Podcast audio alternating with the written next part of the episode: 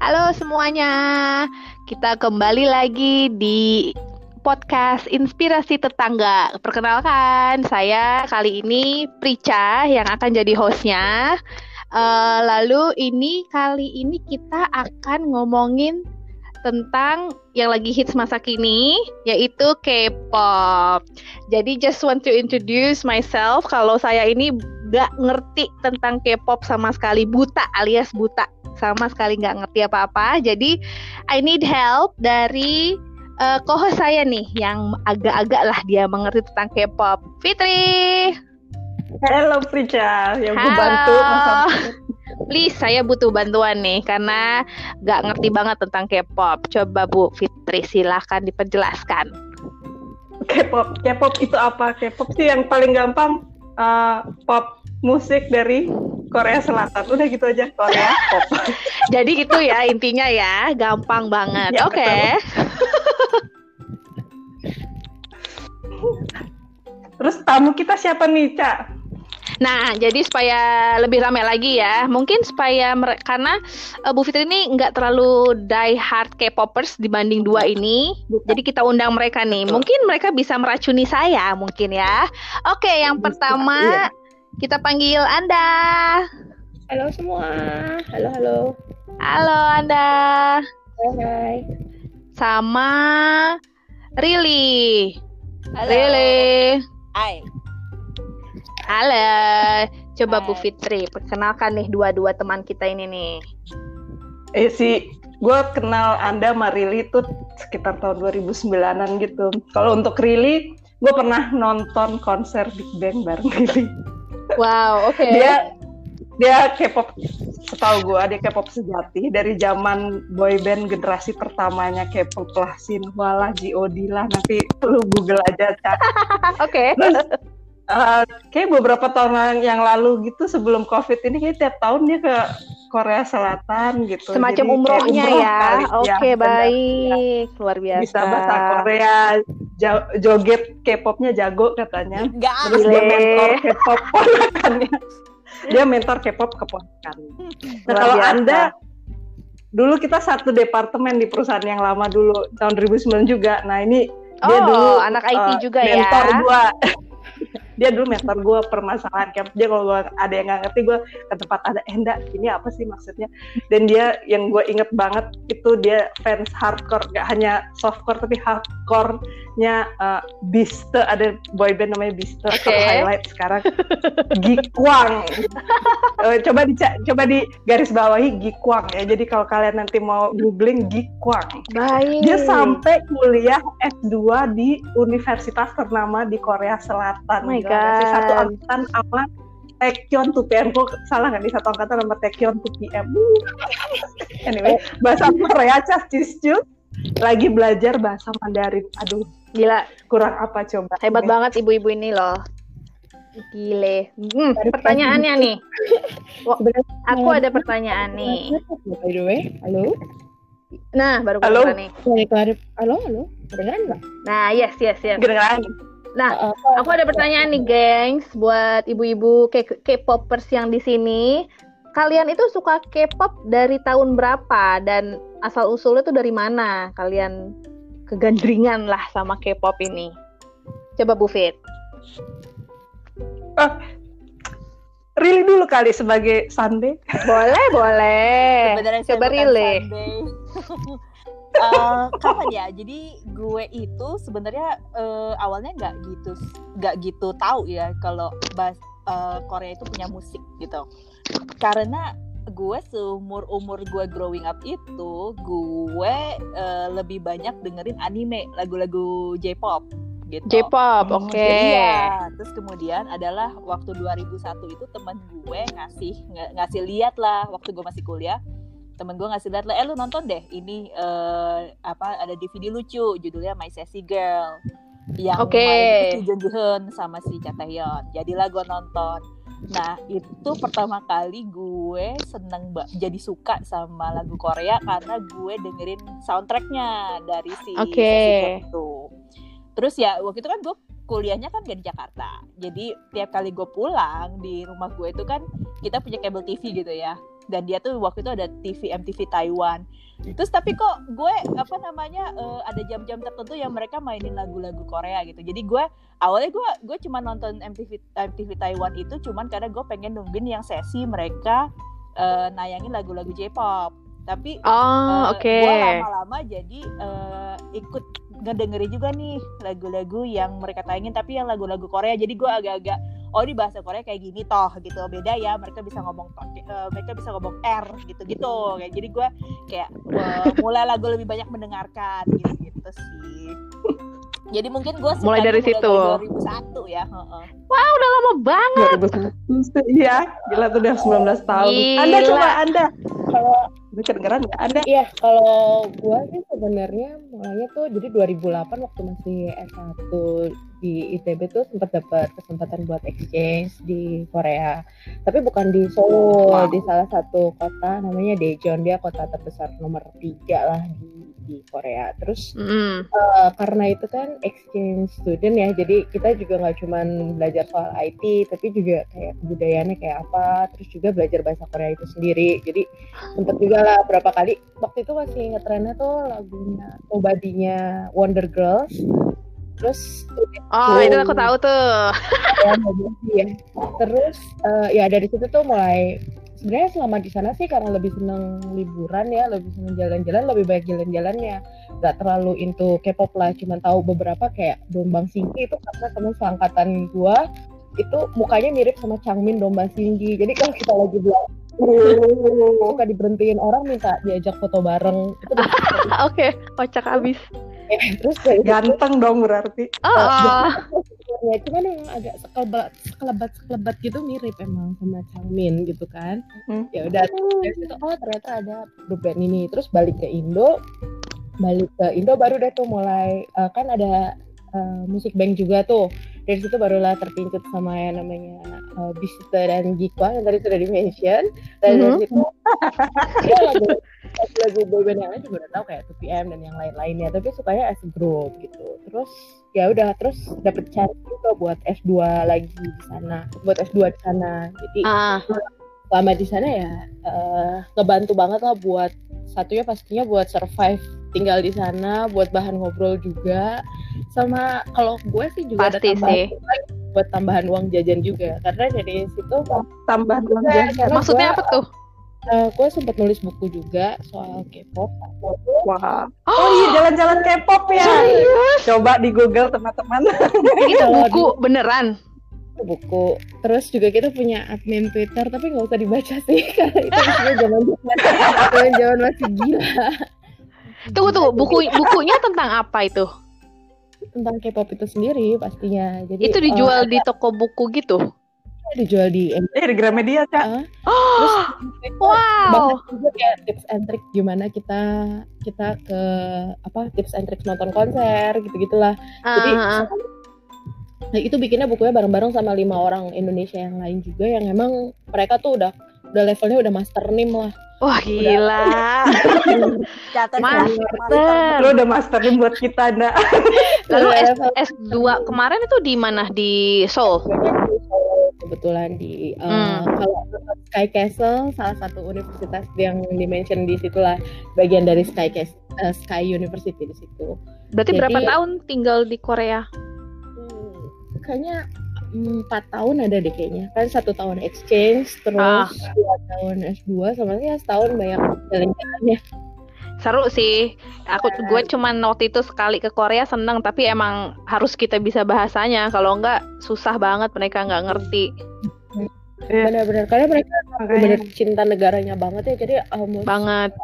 uh, informasinya tuh lebih banyak ditaruh di pakai bahasanya mereka jadi kita kalau mau Sana salah satu senjatanya emang harus bisa bahasa di sana dan ya dan K-pop really one of the tools yang helping me untuk improve Korean sih gitu. Oh, I see.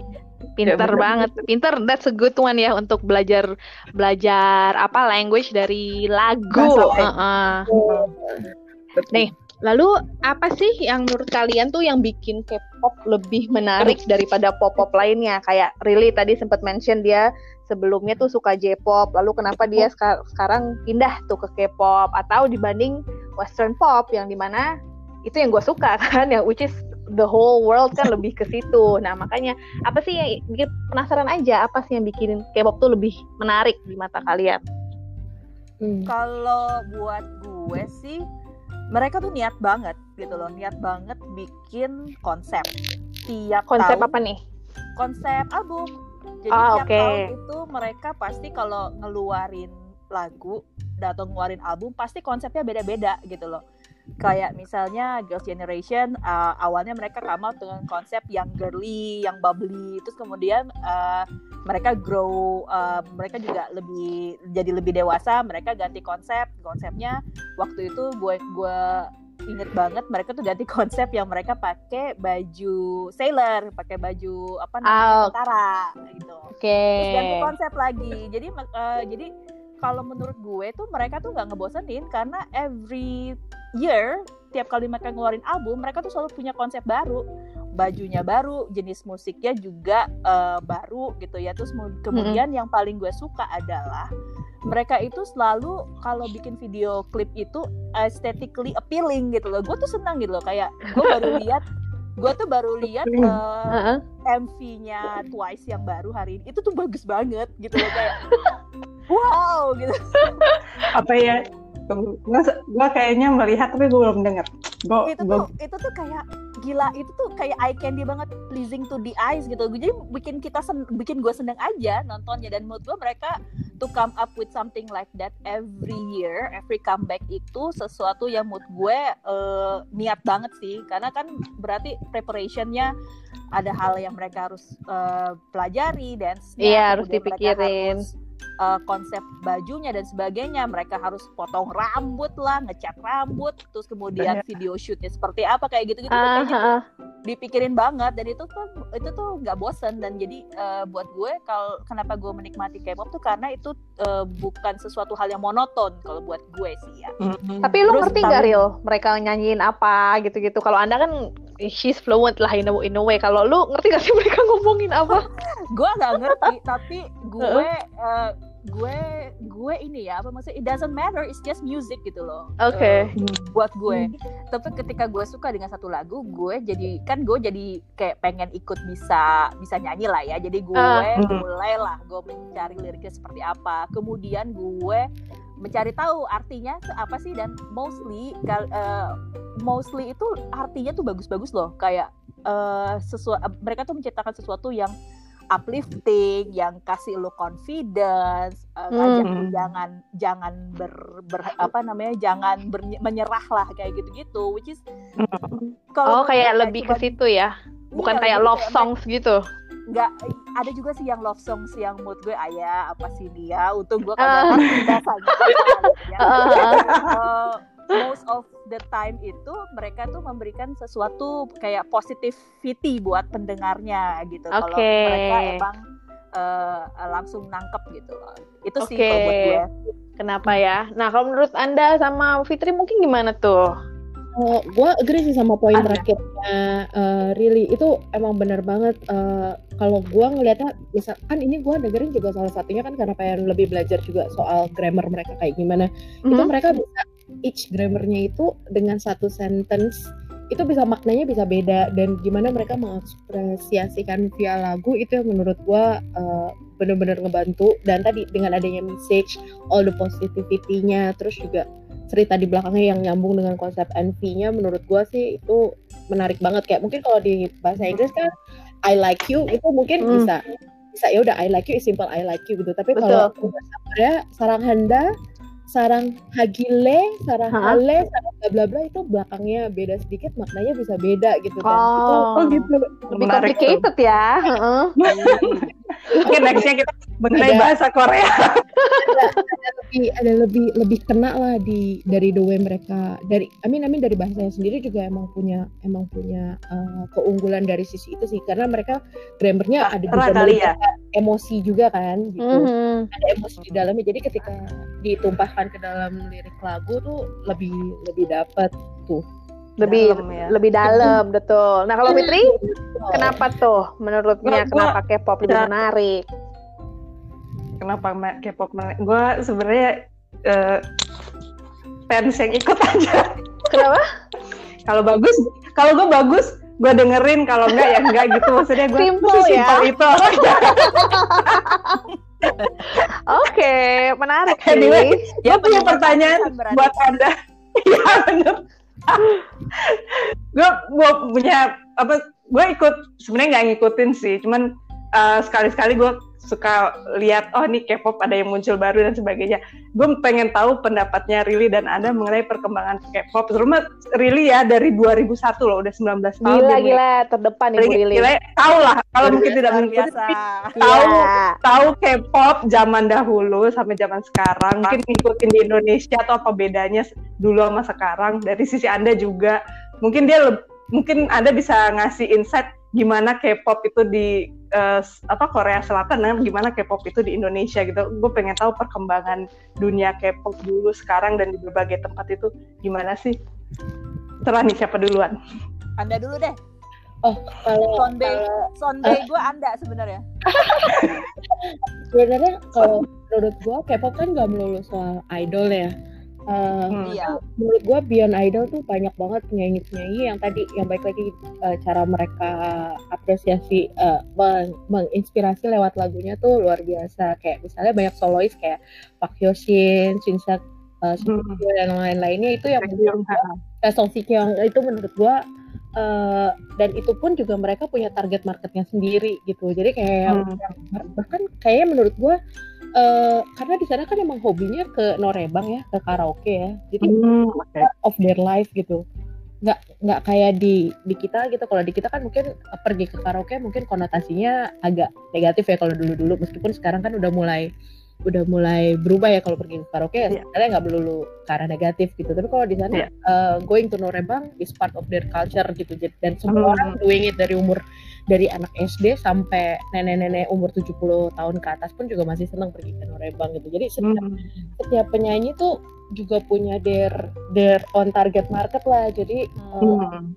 jadi meskipun meskipun dari musik yang lama bahkan penyanyi-penyanyi yang menurut gua uh, udah lama-lama itu dan lagu-lagu yang masih dikenal sampai sekarang tuh bisa dicari. Kayak misalnya G.O.D itu kayak everyone dan itu pasti lagunya lagu-lagu yang punya satu positivity yang bener-bener bagus banget gitu. Jadi orang inget bukan karena mereka idol atau mereka ganteng atau gimana tapi karena oh ini lagunya emang bagus dan lagunya. listening gitu Iya, emang iya. listening jadi mau umur berapapun juga pasti dengerin itu sih Biar relevan. idol nanti lu bisa bisa explain lah karena kalau menurut gua kalau yang idol sekarang tinggal kalau dari dunia idol ya menurut gue sih lebih banyak kayak eh, fandom mana yang lebih kuat sih dan itu tradisi Iya. Fandom war.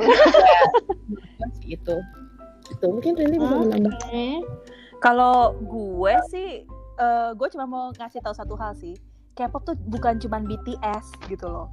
Bukan cuma Kita kan Suzy, taunya itu. Siap. bukan Oke. cuman Blackpink.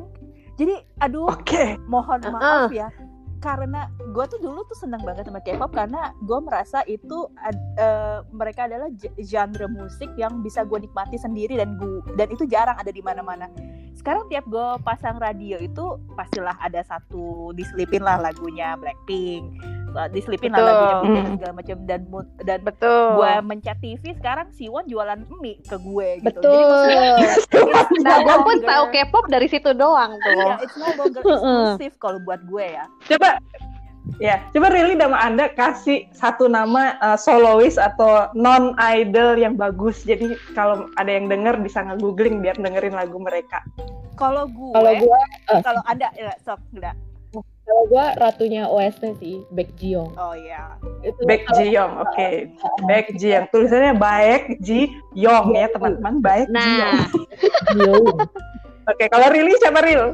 kalau gue la- apa sih kalau solois perempuan gue tuh pasti akan dengerin kalau itu Gami atau dia Ailey kalau Oh, Ailey, oke. gue tuh Song Si Kyung for sure tapi kalau grup kayaknya kalau grup gue tuh gue rekomend G.O.D sih sama Shinhwa karena JOD. itu benar-benar first itu benar-benar first ini banget sih first gen gitu loh first generation kalau yang dua itu ya tapi Ya, mm. kalau buat gue there's there there are a lot of more good soloists and other eh, apa namanya ya underrated groups gitu loh. Davichi itu suaranya tuh bagus banget dong. Dan mereka tuh kalau Davichi itu nyanyi di satu eh, drama, itu biasanya dramanya pasti bagus gitu loh. Be- beken ya. Beken gitu. Kenapa dia nggak terlalu terkenal ya di sini? Jadi, ya itu Karena seperti yang fanbase-nya kecil. fanbase-nya kecil satu. Oh, oke. Terus, Eh, mungkin karena mereka punya segmentasi eh, apa namanya marketing market sen- tersendiri, mereka tuh juga tidak pernah setahu gue, mereka tuh nggak pernah kayak melakukan konser ke luar dari negara ya terakhir yang gue Oh. gue ingat kalau nggak Hmm. salah mereka pernah ke Singapura itu juga fan meeting. Oh satu hal lagi mamamu Oh, itu sih Mamamo. Oh ya. itu yang itu Oh, yang buat gue Sempet sih. ke sini kan Jadi Mamamo. K-pop Gua tuh gak cuma BTS dan Blackpink doang gitu loh. Siap. Gue mau rekomen satu. Gue pertanyaan selanjutnya ya. Ke depan Nda. Ya, gue mau rekomen satu juga namanya Urban Zakapa. Oh ya itu bagus tuh. Eh, Oh, Urban Saka. itu itu udah itu populer R&B grup lah di eh, R&B. Wih, Ica, R&B Ica. tuh. mencoba mencari. R&B rekomen Urban Zakapa mereka juga sering ngisi ngisi OST drama sih Hmm. dan sama juga setiap kali ngisi OST drama dramanya juga bagus Hmm, oke. Ntar nih gue tulis di IG ya.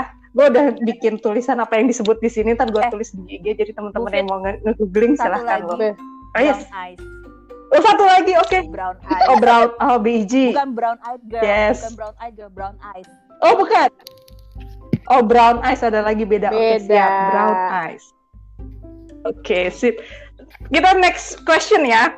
Dengan ini perkembangan sebenarnya kayak K-pop itu dulu kayak Rili tadi cerita agak susah kan me- mendapatkan lagu-lagu K-pop di tahun 2001. Sekarang tuh kayak di handphone semua orang bisa cari lagu K-pop dengan browsing di YouTube gitu. Nah, sebenarnya dari perkembangan yang ada se- selama ini kalian ngikutin K-pop atau Korean budaya Korea gitu, apa sih yang di, bisa diambil hikmahnya mengikuti budaya lain? hmm. Kalau aku Kalau- sih, aku melihat bagaimana mereka eh, berjuang ya. Karena mereka itu semuanya kalau misalnya kita ngikutin terus ada ada mereka me- ada dokumentarinya bagaimana mereka dari zaman mereka trainee sampai kemudian mereka debut dan jadi sekarang itu tuh gua kagum aja sih sama anak-anak muda ini gitu loh. Anak-anak kecil ini yang mereka tuh eh, they they they they leave a lot of things masa mudanya mereka tinggalin untuk mereka mempelajari dan menekuni satu bidang ini supaya mereka bisa berhasil itu sih jadi eh, ketekunannya itu yang bikin gua kagum sih Kegigihan ya. Hmm, Mas. itu ya ya. Anda gimana, Nda? Hmm. Eh, Ketekunan, gigih, perseverance. kalau gue sih sebenarnya tadi balik lagi sih eh, bisa mencari lagu yang sesuai sama kebutuhan suasana hati pada saat itu sih kalau gue eh, kayak misalnya emang lagi bener-bener down salah satu dari lagunya atau mungkin lagi masa-masa galau gitu dengerin satu lagu gue mau rekomend juga sekalian G.O.D yang Gil judulnya Road road itu balik balik lagi ngingetin kenapa sih sebenarnya I'm living in this world what I'm looking for in this world Oh. gitu sih Hmm. jadi balik lagi sih ya. Ya kalau gue lebih ke itu what I'm looking dari dari apa yang gue rasain sekarang dan sometimes saya bisa nemuin lagu yang pas dari lagu-lagu mereka gitu karena tadi liriknya benar-benar menggambarkan apa dalam Iya. menggambar beda sama Ya, pop-pop lain lah ya kalau tadi ngambil-ngambil kesimpulan. Nah, gue ada pertanyaan lagi nih buat kalian-kalian karena ngedengar-dengar nih semua berdua ini kan sangat in the front line kan when it comes to K-pop. Hal tergila apa sih yang pernah kalian lakukan hasil dari K-pop efek ini? Ayo ibu-ibu, hal tergila apa nih? anda kayak ceritanya banyak banget deh Ngaku. Nah, Ah, pilih satu aja, Nda. Jangan ada anda, anda yang tergila lah gitu. Heeh, yang tergila lah. takutnya nanti kalau ditiru sama pendengar tidak baik gitu jadi gue bener mild aja. Ya PG tertin. Jangan dong, Buci yang gila banget. jangan Oh, gila banget. jangan jangan nanti. Nanti. Baik, baik, baik. Oke, apa nih kira-kira nih? mungkin ini kayak gue pernah suatu waktu nonton SBS eh Gayo Dejon ya. Gue lupa. Ya Gayo Dejon itu itu sam- itu acara akhir tahun. Jadi biasanya kalau di akhir tahun tuh mereka semua stasiun TV itu punya acara musik dan itu biasanya recordingnya dari pagi sampai ketemu pagi lagi. Nah gue kebetulan ada sama temen gue nih. Dia anak salah satu uni juga di sana. Mhm. jadi gue nontonnya beda. Gue nonton buat supporting. Gue datang sebagai fansnya. Gue lupa fansnya Kupi sama fansnya Sian Blue terus eh, tapi Indian di sana tuh gue nyelusup nyelusup akhirnya gue bisa sampai di baris paling depan. Dan akhirnya gue bisa nonton TA Wow. itu itu udah satu. Gila. nah kemudian emang Tuhan tuh memang selalu adil. Jadi pada saat pulang kita tuh harus nunggu. Kan itu selesai recording kayaknya jam 4 pagi gitu ya. Sementara bus pertama itu baru ada Gila. di jam 5 lah. Jam 5 Oh jadi my kita god. gua sama temen gua tuh kita tidur di McD tidur, tidur di McD karena dia 24 jam. Nah sebenarnya di sini Tuhan berlaku adil. Kita naik mobil itu harusnya kan itu lokasi syutingnya di Ilsan.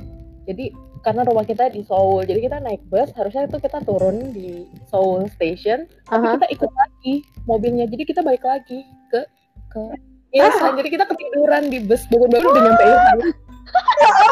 Jadi, jadi itulah sebaiknya jangan ditiru ya. Oh my god. Gila gila. Jangan ditiru. ditiru dan 24 jam nungguin konser. Oke. Nah parahnya lagi eh, itu siangnya gue ada seminar sama profesor Oh, gila. temen gue juga harus masuk dari profesor jadi gue pura-pura sakit pada hari itu Gue kirain lu tetap ketemu terus profesor lu ini anak abis ngapain? Gila sih itu ngantuk tuh banget pasti.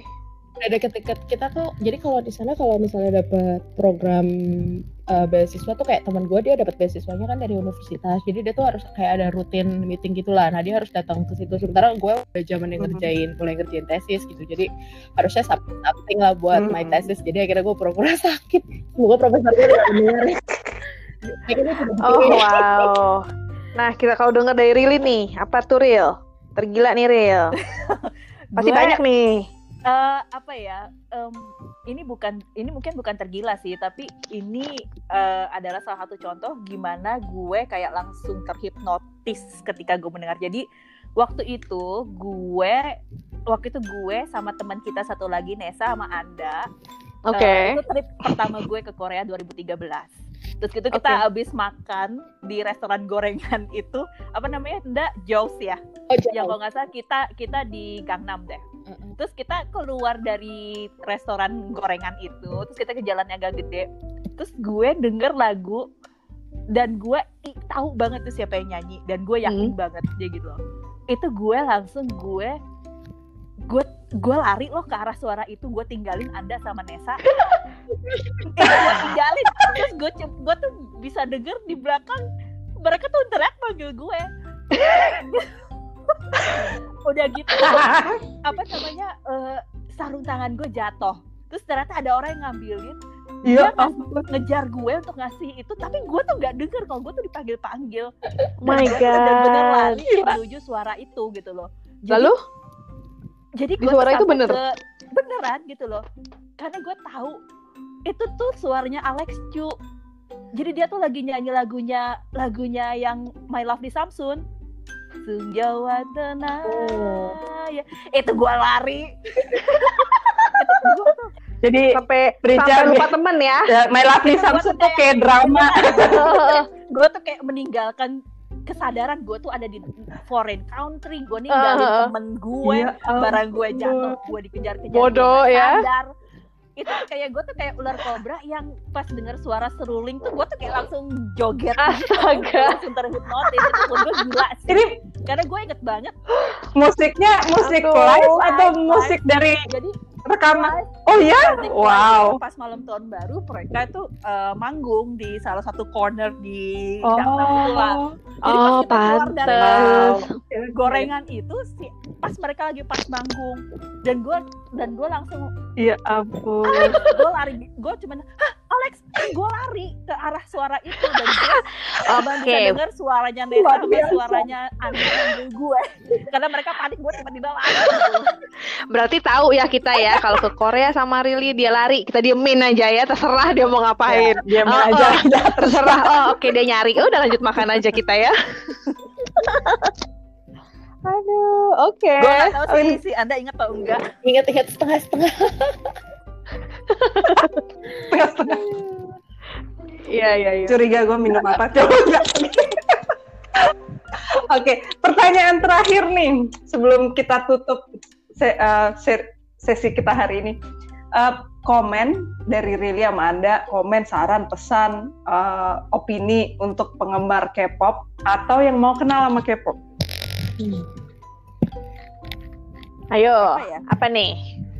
Kalau dari gue sih Berat ya gue. Jangan terlalu apa ya, jangan terlalu tenggelam dalam K-pop. Kenapa? Maksudnya apa tuh? Eh, ya pokoknya harus tetap waras aja sih. Maksud gue gini loh, kadang-kadang kan lu Hmm. pengen banget nonton konsernya mereka, terus kemudian lu eh, bela-belain apa namanya kalau lu ngumpulin duit it's fine tapi kayak lu kalau misalkan lu sampai harus meminta atau melakukan beberapa hal yang maksudnya berlebihan itu menurut gue sih ya jangan sampai begitu sih gitu loh itu sih kalau dari gue terus pesan Mhm. gue sih yang kedua K-pop tuh nggak cuma BTS sama Blackpink doang Ya, oh, Good, Empat kali real disebut. sudah camkan itu. Eh, prihatin loh jadi maksudnya jadi ketika Hmm. uh, is it only me gitu loh yang is it only me yang uh, udah gue udah gak punya temen lagi untuk diskusi hal-hal lain gitu loh karena mereka cuma pengen Hmm. diskusi yang what's in, Hanya itu. what's in sekarang aja gitu sih Mhm. ya broaden your knowledge aja sih kalau gue bilang Mhm. Siap. Oke, bagus sekali itu. Broaden your knowledge on Korean pop or Korean budaya Yes. Korea. Kalau gue Ada nggak? eh, tadi agree sama apa yang juga sama Rili. Yang penting semua harus ada batasannya sih. Suka boleh tapi jangan sampai terjerumus.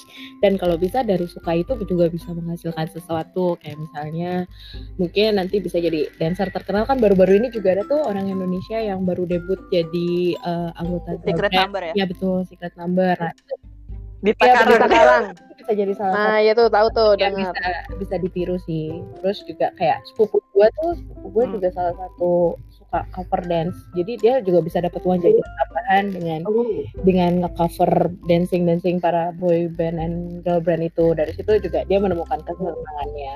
Gitu. Cuma baik lagi Hmm. harus ada koridornya sih. Mana yang ya jangan sampai terjerumus juga. Jadi kalau gilanya bisa mungkin ada schedule kapan untuk tobat seperti saya yang sudah sedikit Tobat, sedikit tobat loh. Sedikit obat. Oke, kalau begitu. Menarik lah apa namanya obrolan kita kali ini ya, Bu Fit gimana? Menurutku sih menarik. Seru banyak. Ini terutama gue bakal nge-google nih semua yang gue Betul. tulis tadi uh, K-pop Iya. K-pop di luar uh, BTS. BTS dan Blackpink. Ih, karena Iya jujur hanya itulah K-popers yang saya tahu sebagai yang buta K-pop ya. Heeh, jujur loh ini kepada kalian.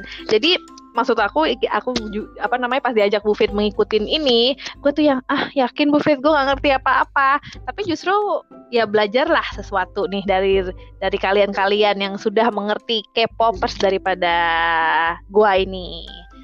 So, kita mau bilang makasih ke Anda sama ke Rili yang mau kita ganggu ngikutin podcast kita ini.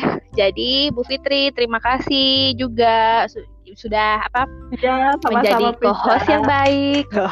Jadi eh, kita close saja episode kali ini eh, di podcast Inspirasi Tetangga. Sampai jumpa di episode selanjutnya. Dadah. dah Dadah.